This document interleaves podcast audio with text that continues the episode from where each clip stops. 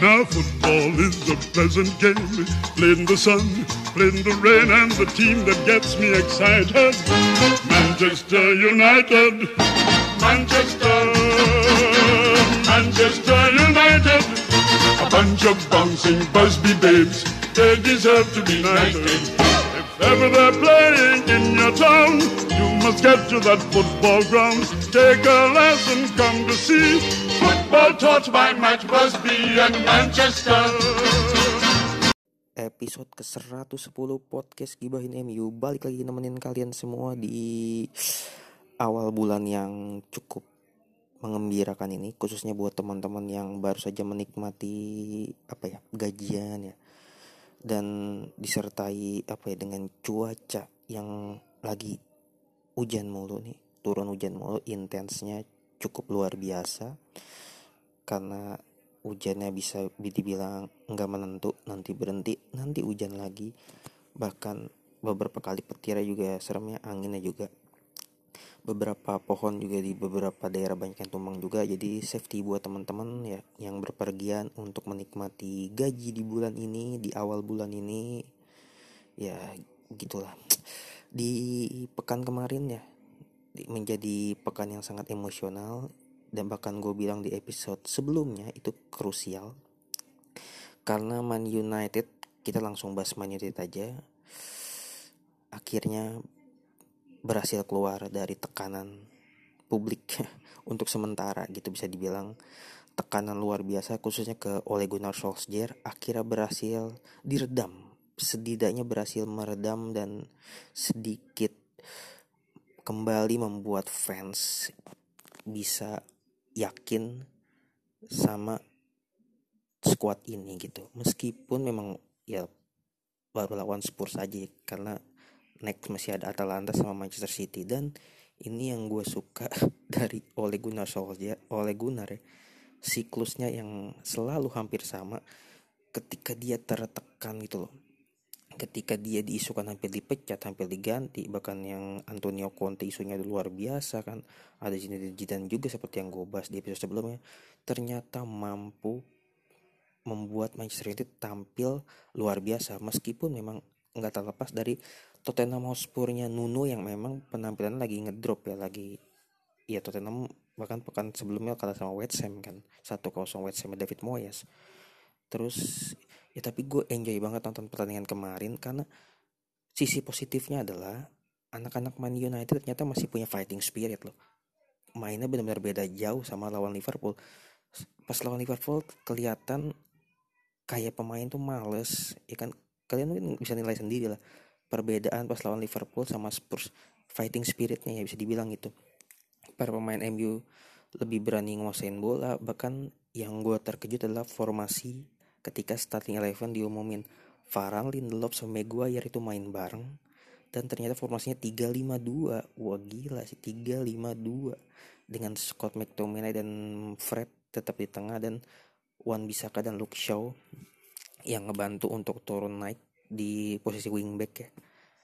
3-5-2 ngilang dan ngingetin sama zamannya Luis Van Gaal ya. Van Gaal itu kan sukses sama 3-5-2 nya di Piala Dunia ya 2014 meskipun gak juara tapi 3-5-2 nya dia bersama timnas Belanda kala itu benar-benar menakjubkan sampai membawa Belanda finish di peringkat ketiga kalau gue nggak salah ya bukannya dia mentok di semifinal gitu.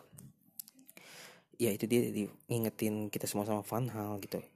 Tapi itu benar-benar 352 dan ternyata bisa gitu loh. Oleh bisa meramu tim ini sebenarnya gitu. Tapi kenapa ketika terdesak gitu loh. Dan para pemain terlihat mainnya enjoy banget. Yang gue lebih itu punya fighting spirit gitu loh. Meskipun beberapa kali Wan Bisaka ya masih belum bisa crossing dengan baik ya. Lu tau sendiri Wan Bisaka. Cuman gue slot banget sama Wan Bisaka ada di mana momen di babak pertama. Ketika dia berhasil ketika siapa Megu dapat MU dapat serangan balik lewat Son ya kalau gua nggak salah itu si Maguire sama Lindelof udah nyerang ngejar Wan Bisaka masih kuat ngejar sampai akhirnya dia bisa ngeblok tendangannya Son. Kalau gua nggak salah Son ya atau peluangnya siapa gitu. Dan bolanya corner gitu keluar gitu. Dan itu gila sih Wan Bisaka tuh luar biasa dalam bertahan. Cuman memang untuk naluri serangnya gitu untuk ngebantu lewat crossing atau nusuk itu masih kurang ya.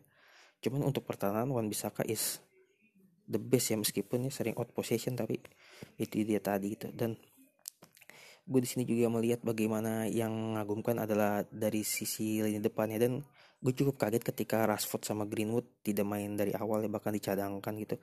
Dan jatah oleh Gunnar Solskjaer menaruh dua striker di depan dan striker gaek wow. Cristiano Ronaldo 36 tahun berduet dengan Edinson Cavani 34 tahun. Ya, MU ini menduetkan striker gaek di mana sebenarnya di bangku cadangannya striker-striker muda. Dan gokilnya striker-striker gaek ini berhasil membuktikan kalau mereka masih ada mereka masih mampu gitu loh. Dan ini sebagai sebagai pecutan pecutan juga ya buat striker striker mudanya gitu macam Greenwood Rashford gitu ya yang bahkan Anthony Martial ya posisi kalian memang kalian memang masih muda tapi untuk musim ini posisi kalian bisa aja terancam ter teruntuk Mason Greenwood ya.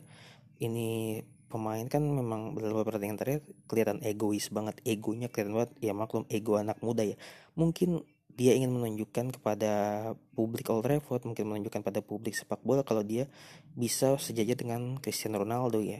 Pokoknya semenjak kedatangan Ronaldo Greenwood terlihat banget egonya ketika dapat bola di depan gawang entah itu di kotak penalti atau bahkan ketika pemain temannya sendiri lagi kosong posisinya nggak dijaga back lawan itu Greenwood memilih untuk ngesut lah atau apalah gitu.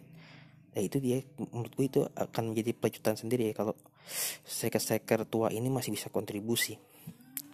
Dan langsung proses ke golnya aja gitu kan itu golnya juga cukup keren banget. Bagaimana umpannya Fernandes benar-benar gila. Ronaldo 36 tahun udah kayak bukan 36 tahun ya. Ini jadi gol ketujuh dia ya kan? Bersama United musim ini 4 di Premier League 3 di Liga Champions. Dan gue fans MU semua pasti happy banget ketika gol terjadi karena beberapa kali MU sempat dapat peluang juga ya kan? Dan masih gagal. Bahkan ada momen di mana Fred ya kan tendang dari luar kotak penalti yang ditepis sama Hugo Lloris. Itu luar biasa banget Fred loh. Terakhir Fred bikin gol kan pas lawan Leeds United itu ya. Umpan dari Pogba di pekan pertama Premier League gitu. Dan gue sempat ingat juga Fred sempat bikin gol dari luar kotak penalti pas zaman Jose Mourinho atau apa ya gue juga lupa lah pokoknya pokoknya Peret itu sempat bikin gol di musim pertamanya bareng Jose Mourinho gitu. 2018 2019 ya pas lawan Wolves kalau nggak salah. Seri satu sama pertandingan. Cuma itu ya maksudnya memang penampilan Fred luar biasa bisa dibilang memang kadang-kadang memang ya dinter ya teman-teman pasti tahu lah Fred itu passingnya jelek tapi di saat dia dibutuhkan untuk sesuatu tuh dia berhasil mengeluarkan kemampuan terbaiknya meskipun ya mungkin standarnya emang cuma segitu tapi gue sangat salut dengan penampilan Fred dan McTominay juga ya gitu ya. Bahkan McTominay yang musim lalu tampil baik gitu dan musim ini kelihatan memang kurang nggak seperti musim lalu bisa dibilang. Cuman di laga lawan Spurs kemarin gue lihat ya emang McTominay ini cocok banget buat sama Fred dan gue sangat menyayangkan tapi sebenarnya di laga ini ketika Pogba absen kan apa Pogba absen di tiga pertandingan ya karena terlepas di kartu merah sama Liverpool kemarin kan di yang kalah 5-0 itu. Kenapa Van de Beek nggak turun? Itu jadi pertanyaan loh Van de Beek kenapa? Dan gue sebenarnya pas Van de Beek nggak main dari awal gitu ya tapi ketika melihat skor akhir yang menang 3-0 kan ya gue fine fine aja gitu. Cuman tetap aja cukup apa ya kasihan ngeliat Van de Beek gitu. Dan balik ke golnya Ronaldo itu keren banget ya itu gue lupa gol keberapanya Ronaldo gawang Spurs pokoknya dia cukup akrab banget ke gawangnya Spurs. Entah di MU ataupun entah di Real Madrid dia cukup familiar dengan gawangnya Spurs. Itu gol Ronaldo cipta di menit 39 babak pertama ditutup dengan skor 1-0 ya. Di babak pertama tuh sebenarnya Spurs juga bikin gol tapi offside gitu. Beberapa juga Spurs sempat dapat peluang lah cuman nggak ada shoot on target dari mereka. Dan Varane, Maguire, Lindelof bermain cukup baik. Maguire beberapa kali juga bikin bikin blok di dalam kotak penalti. Itu yang cukup gua kangen dari Maguire. Semoga konsisten ya. Tiga back ini Lindelof, Varane, Maguire. Apakah Ole akan menurunkan hal yang sama atau formasi yang sama lawan Atalanta? I don't know gitu loh. Kita lihat nanti di Rabu dini hari kan. Cuman ketika babak kedua dan gol keduanya United ini benar-benar gokil banget ya. Berawal dari Fernandes yang berhasil melakukan pressing ke apa ya tekanan ke pemain Spurs ya sehingga pemain Spurs lepas bolanya kan. Terus Fernandes sendirian di depan sebenarnya Cavani sama Ronaldo masih di belakang cuman inilah dia bagaimana striker yang udah berpengalaman ya menempatkan posisinya masing-masing. Ronaldo dia dari belakang Bruno dan Bruno ngoper ke Ronaldo dan Cavani lo lihat dia berada di posisi yang sangat sangat pas gitu. Dan sebenarnya kan apa ya gue pikir dia offset loh kan posisi Cavani ternyata ini dia striker berpengalaman yang kayak gini gitu loh ya kan. Dia tahu gimana cara dia mau mulai lari biar nggak offset gitu. Dan terbukti Ronaldo umpan ke Cavani 2-0 dan selebrasinya Cavani luar biasa banget gila sih itu. Pas dia mungkin teman-teman lihat banyak lihat fotonya pas dia nganga ya kan. Oh gila itu udah lama ya nggak lihat striker kayak gitu gitu. Terakhir mungkin yang kayak gitu Robin van Persie atau Ibrahimovic gue lupa 2-0 dan ini buat Ronaldo sendiri ini jadi dia pemain tertua di Premier League yang bisa bikin gol dan assist dalam satu laga di Premier League ya. Dengan pemain tertua bareng Drogba sih 36 tahun lebih 200 harian gitu lah kalau gue salah. Dan sama-sama gawang Spurs bikinnya Drogba juga di tahun 2014 juga bikin golnya ke gawang gol sama assist juga ke gawang Spurs gitu. Jadi ya Spurs ini memang nggak tahu lah kenapa. Dan akhirnya di menit keberapa Ronaldo diganti? Gue lupa Ronaldo ini kayaknya diganti sama Rashford deh kalau nggak salah ya. Ya Ronaldo diganti sama Rashford terus nggak lama kemudian Fernandes diganti sama Nemanja Matic dan ketika Fernandes tarik nih sama Nemanja Matic ya kalau gue lupa deh Fernandes tarik sama siapa gitu? Matic atau sama Lingard ya gue lupa. Pokoknya yang masuk di babak kedua itu pemain ada Rashford Matic Lingard gitu. Dan banyak yang pertanyakan juga ya. Kenapa? Oh Cavani ya Cavani ditarik deh kalau gue masalah gue juga, kayaknya deh Cavani ditarik juga. Dan banyak yang pertanyakan juga kenapa oleh narik Bruno gitu di di babak kedua ini ya karena tim kalau salah masih unggul 2-0 kalau sudah Bruno ditarik. Cuman ya gue berpikir langsung ya hari di midweek ini Emi masih main di Liga Champion loh match day keempat lawan Atalanta di Bergamo gitu dan posisi belum aman di di grup gitu. Jadi sangat wajar oleh Gunnar Solskjaer menarik Ronaldo dan Bruno Fernandes gitu. Dan pergantian ini membuahkan hasil ya kan. Nemanja Matic dan Rashford berperan berperan dalam gol ketiga Man United ya kan. Matic yang kasih asit ke Rashford jadi gol ketiga gitu loh. Huh gila. Dan sebenarnya di babak kedua ini Ronaldo hampir aja bikin gol kedua ya kalau gue kalian ingat ya kan. Dan itu gol kencang banget kalau nggak offset ya gitu. tapi sayang offset ya kan. Saat itu skor masih 1-0 sebelum golnya Cavani gitu. Itu dia naluri Ronaldo dalam mencetak gol yang kayak gitu yang gue kangen ya. Power power kayak gitu gitu. Gila. Ronaldo is Ronaldo itu. Dan kabar gembira dari Ronaldo kan juga belum lama ini dia posting di Instagramnya kalau dia lagi nunggu anak kembarnya bareng Georgina artinya Ronaldo bakal punya anak kelima dan keenam ya ya kita mau doain aja mudah-mudahan dia tetap sehat gitu loh. Dah kemenangan 3-0 ini gue happy banget. Karena artinya mental tim membaik apalagi secara permainan memang sangat cukup membaik ya. Meskipun ya tadi gue bilang terlepas lawannya Spurs yang dilatih Nuno ini memang Spursnya lagi ngaco gitu loh. Benar-benar bukan Spurs yang dilatih Pochettino beberapa musim lalu beda banget cara mainnya gitu. Cuman ya ini ini ya ini sepak bola. Menurut gue kalau lawan lagi leg ya ya salah lawan lo gitu loh. Dan lo bisa manfaat itu ya itu artinya bagus gitu loh. Is cerdik menurut gue gitu. Ketika lo berhasil bisa memanfaatkan kesalahan lawan lo apa ya ya jeleknya lawan lo musim ini lah lo bisa manfaatin itu is smart gitu loh dan kabar yang gue terima juga tadi si Nuno juga dipecat akhirnya sama Tottenham Hotspur menyusul rentetan hasil buruknya Spurs musim ini.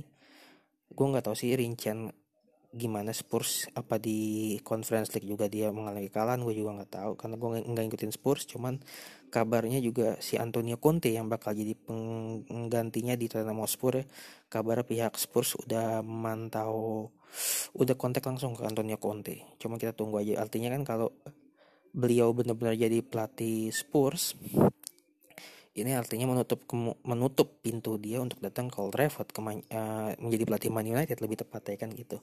Tapi ini yang gue suka dari Ole ketika dia terdesak ya kan posisinya terdesak ya kan dia terdesak dia terancam dia tiba-tiba kayak mengeluarkan jurus terakhirnya gitu jurus maut jurus kuncana dan lo lihat ketika sebelum pertandingan Ole itu diusika, diisukan akan diganti sama Antonio Conte.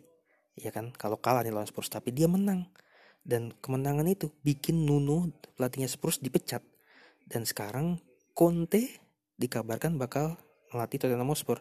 Artinya Ole akan tetap melatih Man United ya kan? Tanpa digantikan oleh Antonio Conte kalau ini benar-benar si Conte deal ke Spurs ya. Menarik banget kan si Ole ini gue nggak tahu ya kenapa ketika terdesak tuh selalu kayak gini gitu. Dan gue nggak ngeliat pemain yang diisukan katanya pemain di ruang ganti udah apa namanya udah nggak percaya sama Ole gitu. Udah terbelah dua tapi ketika lo lihat di lapang pemain mau bermain buat tim mengikuti instruksinya oleh Gunnar Solskjaer gitu loh. Dengan formasi yang baru ternyata ini berhasil gitu 352 dan gue sangat excited banget buat lawan Atalanta jadinya. Apakah tim ini masih bakal konsisten nih dengan formasi ini lagi atau Ole bakal ngerubah ke pakem yang sama 4-3-1-2 gue nggak tahu. Gue juga nggak tahu soal Atalanta ya. Gue buta soal Atalanta. Atalanta sendiri yang gue tahu di Serie A kemarin baru bermain imbang 2-2 sama Lazio. Dan itu juga artinya memang Atalanta cukup di lini depannya cukup mungkin baik ya. Tapi ya gue nggak tahu lah pokoknya Atalanta jarang ikutin Liga Italia juga gitu. Bahkan gue tahu semalam AS Roma kalah sama AC Milan pun dari YouTube ditonton di YouTube-nya Bein Sport Indonesia gitu. Di mana si Ibrahimovic ya udah 40 tahun itu bisa bikin gol ke gawang Roma gila.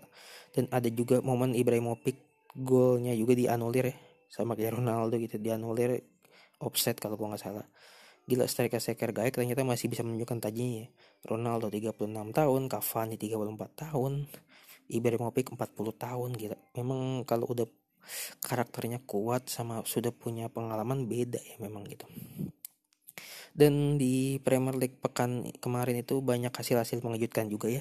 Salah satunya adalah Liverpool yang ditahan Brighton 2-2 padahal Liverpool sudah unggul 2-0.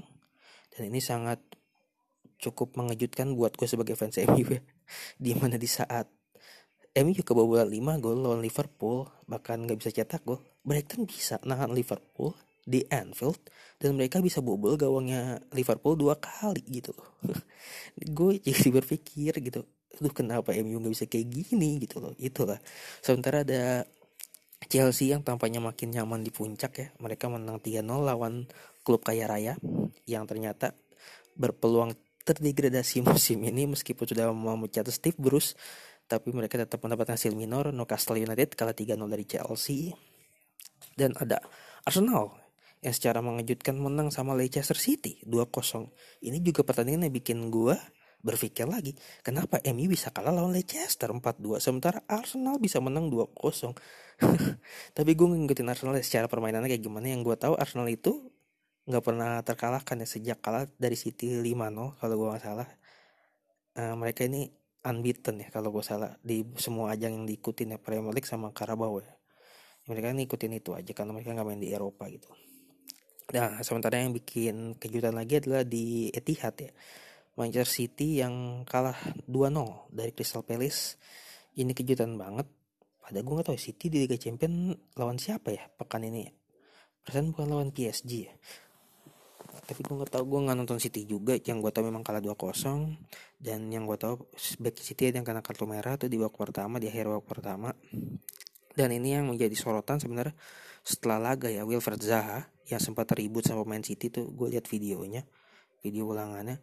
Zaha ini mendapat perlakuan rasis dari yang katanya oknum. Ya gue harus bilang oknum. Ya fan eh, oknum yang mengatasnamakan fans Manchester City ya, ya lo rame lah di Twitter udah banyak banget. Bahkan Zahanya Wilfred Zahanya memposting unggahan dia kan ngatain Zaha itu lewat DM ya DM di Instagram dan diposting sama Zahanya berupa screenshot ditaruh di storynya dan rame banget. Dan ternyata itu orang Indonesia. Dan gue juga masih ngikutin. Katanya kan dia ini perempuan ya. Gue juga masih simpang siur di perempuan atau laki-laki. Cuman ya rasis ini benar-benar aduh malu lah. Apalagi ketika gue tahu dia dari Indonesia cukup gue sebagai ini agak malu lah pasti kan jadi terkenal jadi bahan perbincangan gitu. Bahkan bukan tidak mungkin ini bisa ditindaklanjutin sama FA atau kepolisian Inggris ya. Kan ini kan rasis meskipun beda negara kabar yang gue dengar juga FA atau kepolisian Inggris pernah nangkep pelaku rasis kepada pesepak bola Inggris meskipun dia tinggal di Singapura. Kalau gue nggak salah ya jadi menarik ditunggu ini kasusnya bakal kayak gimana gitu. Apalagi ini sampai di up dan dibaca seluruh dunia. Ya ini fan gue nggak ngerti kalau dia emang ya sepak bola itu kan biasanya kayak menang serikali itu hal biasa. City baru kalah loh lawan Crystal Palace itu baru kalah sekali. Maksudnya pertandingan-pertandingan sebelumnya City mendapatkan hasil positif deh setahu gue tapi uh, eh, gue nggak tahu apa kayak gimana ya gimana jadi fans MU gitu ya kalah 5-0 sama Liverpool terus kalah 4-2 sama Leicester. Dan alhamdulillahnya fans MU nggak ada yang nyerang lawan. Karena rata-rata fans MU tahu mereka kalah karena emang timnya yang bapuk gitu. Permainan timnya yang bapuk. Jadi nggak bisa nyalahin lawan. Lawan yang main normal-normal aja. Emang MU-nya aja meskipun skuadnya katanya mewah ini terkadang ya emang tampilnya tuh ngedon di bawah performa terbaiknya masing-masing gitu. Cuma itu dia tadi sih. Aduh sangat disayangkan ya. Apalagi liga di Premier League ini harus benar-benar ngusut tuntas sih rasis-rasis kayak gini terutama untuk pemain-pemain maaf ya berkulit hitam itu yang sering jadi bahan utama kan ya bahan utama eh, perlakuan rasis gitu. Sangat disayangkan sekali. Aduh. Dan gue penasaran sih masih ngikutin juga sejauh ini bakal sampai mana gitu. Ya udahlah segitulah pembahasan gue di episode kali ini di episode 110 ya MU menang 3-0 next match ada Atalanta di Bergamo main ke Bergamo nih match day keempat UCL sangat menentukan karena poin MU baru 6 gue berharap bisa dapat 3 poin di Atalanta.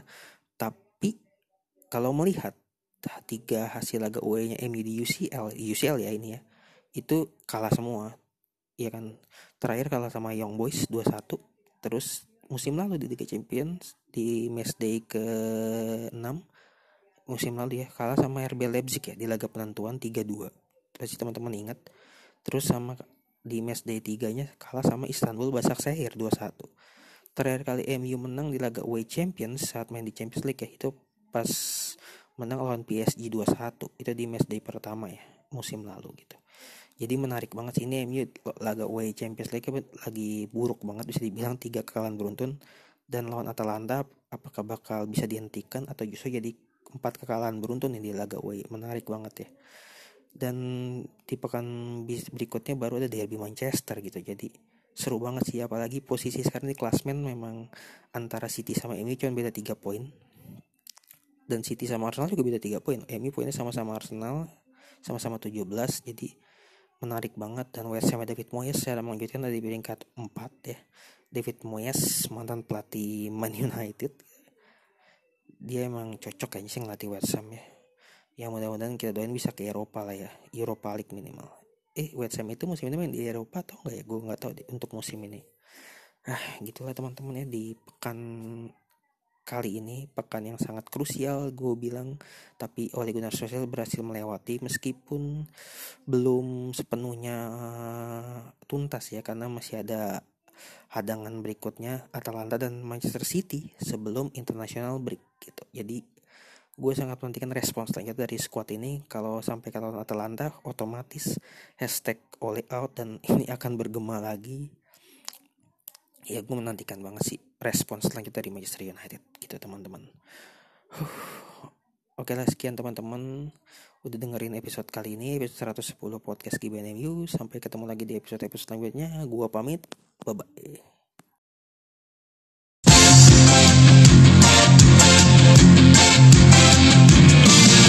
Zaklepsa, a,